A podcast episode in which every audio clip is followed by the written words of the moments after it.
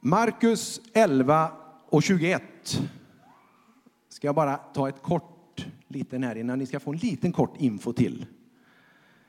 Därför säger jag er, tro och ni ska få allt ni ber om i bön. Och då blir det så. Och ibland så kommer bönesvaren väldigt snabbt. Nu har vi engelsk tolkning. Så du som känner att du skulle vilja ha en tolkning nu, så finns det att hämta där nere. Tänk vad Gud svarar på bön snabbt ibland. Och här hade jag inte ens planerat innan.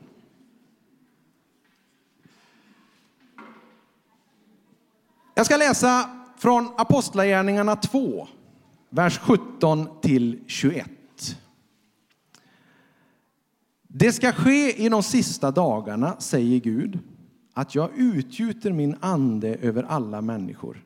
Era söner och döttrar ska profetera. Era unga män ska se syner och era gamla män ha drömmar. Ja, över mina tjänare och tjänarinnor ska jag i de dagarna utgjuta min ande och de ska profetera. Jag ska låta sällsamma ting visa sig uppe på himlen och tecken nere på jorden. Blod och eld och moln av rök. Solen ska vändas i mörker och månen i blod innan Herrens dag kommer, den stora och den strålande.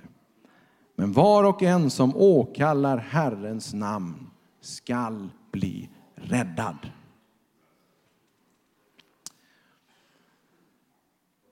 Ibland så får du och jag de här erbjudandena som vi känner att det här kan jag inte tacka nej till.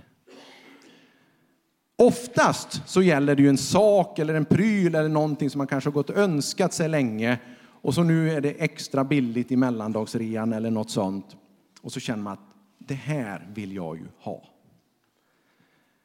Men ibland så kan det faktiskt vara så att vi får den här äh, möjligheten eller erbjudanden att göra något. Att delta i något som kanske betyder mycket för oss. Eller som man känner att det här skulle jag faktiskt jättegärna vilja göra.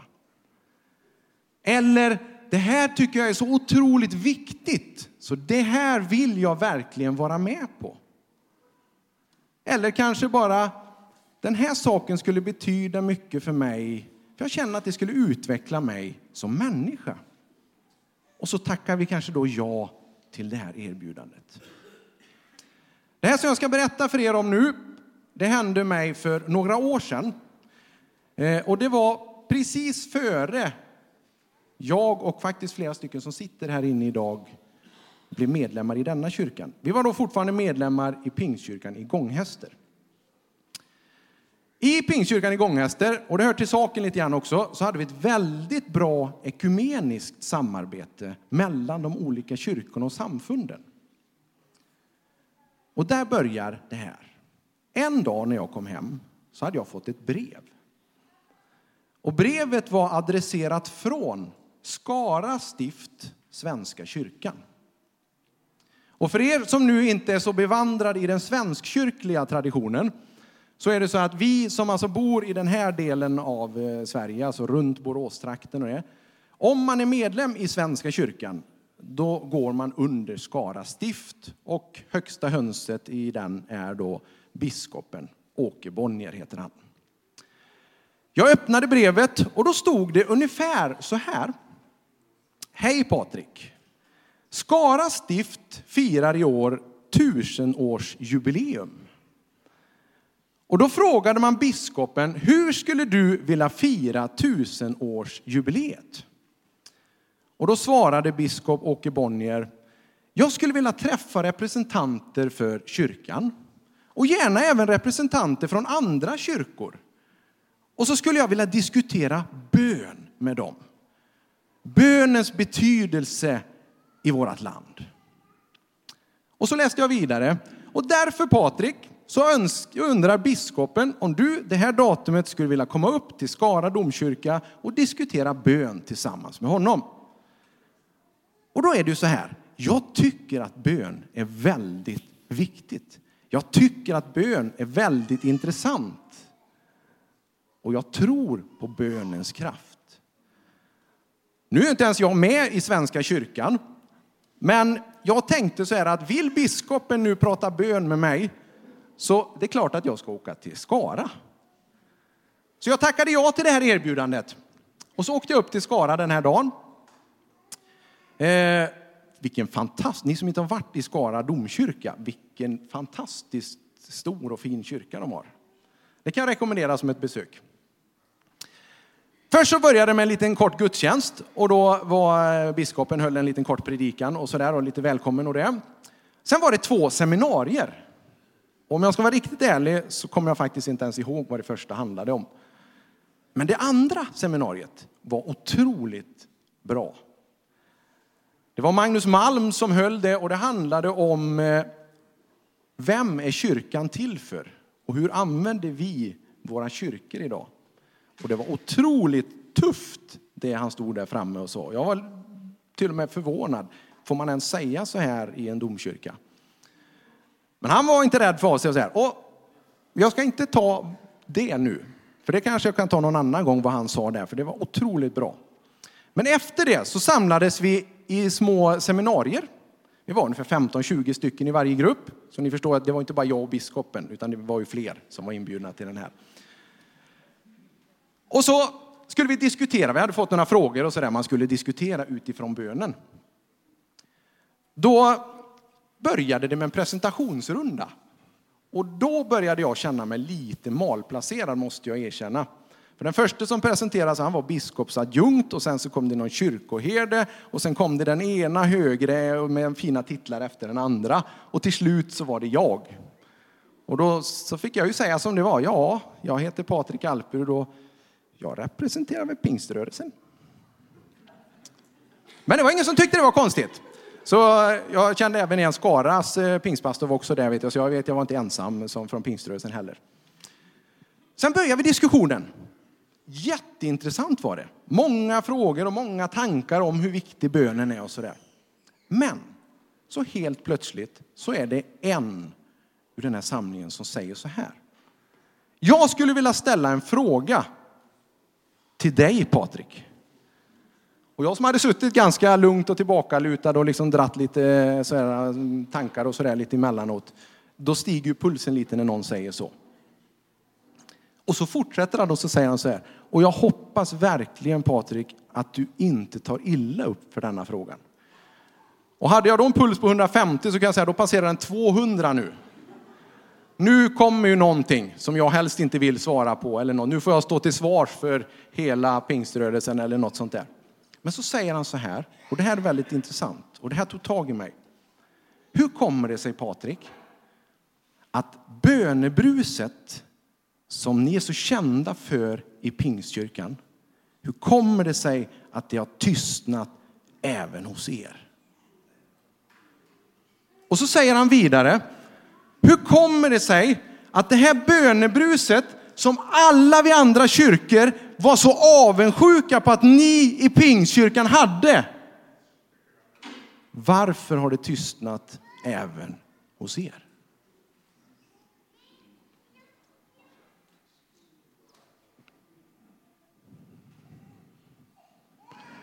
Är det så att bönen är på väg tillbaka i våra kyrkor?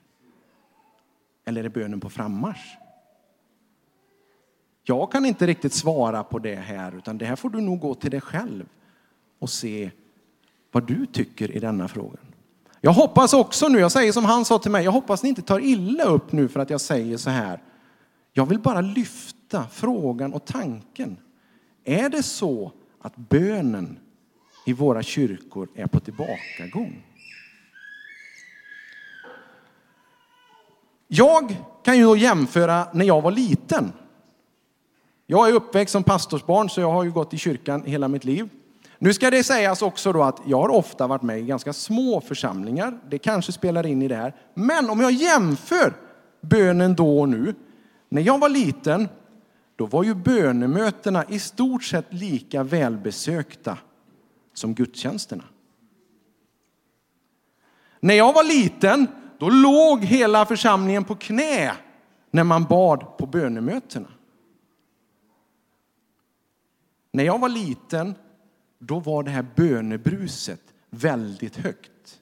Och för er nu som inte vet vad ett bönebrus är, så är det alltså när många människor ber samtidigt och man inte gör det så här jättetyst utan att det börjar låta. Det börjar liksom vibrera lite i lokalen. Det liksom blir som ett brus över hela lokalen. Det är ett bönebrus. När många människor ber samtidigt. Bönebruset när jag var liten var ganska högt. Är bönen på frammarsch i våra församlingar idag? Eller har vi tagit ett litet steg tillbaka?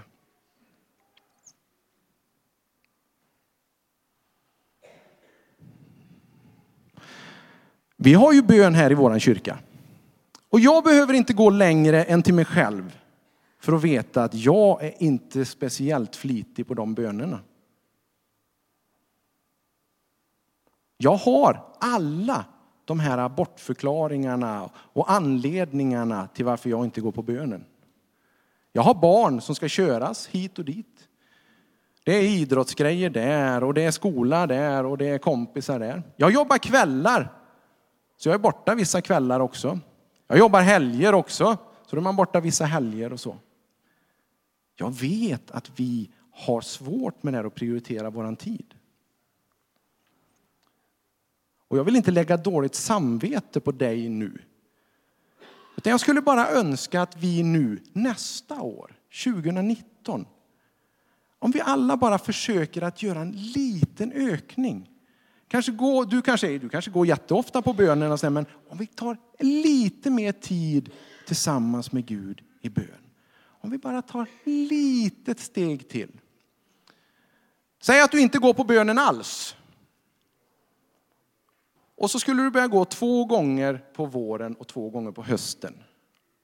Då gjorde jag en liten matematisk uträkning. Det är ju faktiskt då 24 timmar på ett dygn. Det är sju dagar per vecka. Det är 52 veckor på ett år. Då blir det cirkus ungefär 8736 timmar på ett år.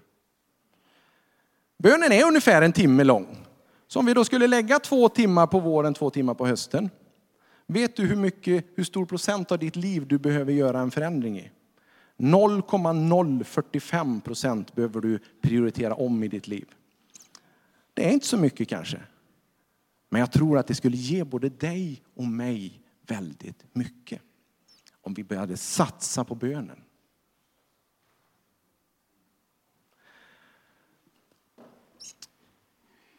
Om jag tittar runt i världen så skulle jag faktiskt säga att jag kan då definitivt inte påstå att världen känns tryggare nu än vad den gjorde för ett år sedan. Jag tycker snarare att det har blivit sämre. Krigen har ökat, svälten har ökat, terrorattentaten ökar. Den här världen har blivit en sämre plats att bo i. Om vi går ner till vårt eget land, Sverige. Dödsskjutningarna, de ökar. Vi har terrorattentat i Sverige också. Vi har inte ens en regering som kan bestämma över oss. Tänk om vi kristna skulle gå ihop och be för att vi ska få den regeringen som Gud vill att vi ska ha. Gud har avsatt regenter för och tillsatt regenter för. Varför skulle han inte kunna göra det om vi går samman och ber? Går vi ner till våran stad Borås, en förvandlad stad är ju våran vision. Jag tror att ska vi få en förvandlad stad Borås, ja då måste vi gå tillsammans och be för den här staden. Det är bönen som kommer öppna upp den här staden för oss.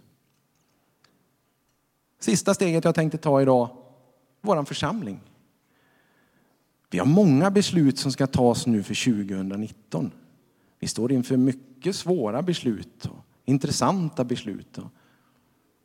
Tänk om vi skulle låta bönen vara först och sen tar vi våra beslut. Vi låter Gud få vara med och bestämma hur vi ska göra i vår församling.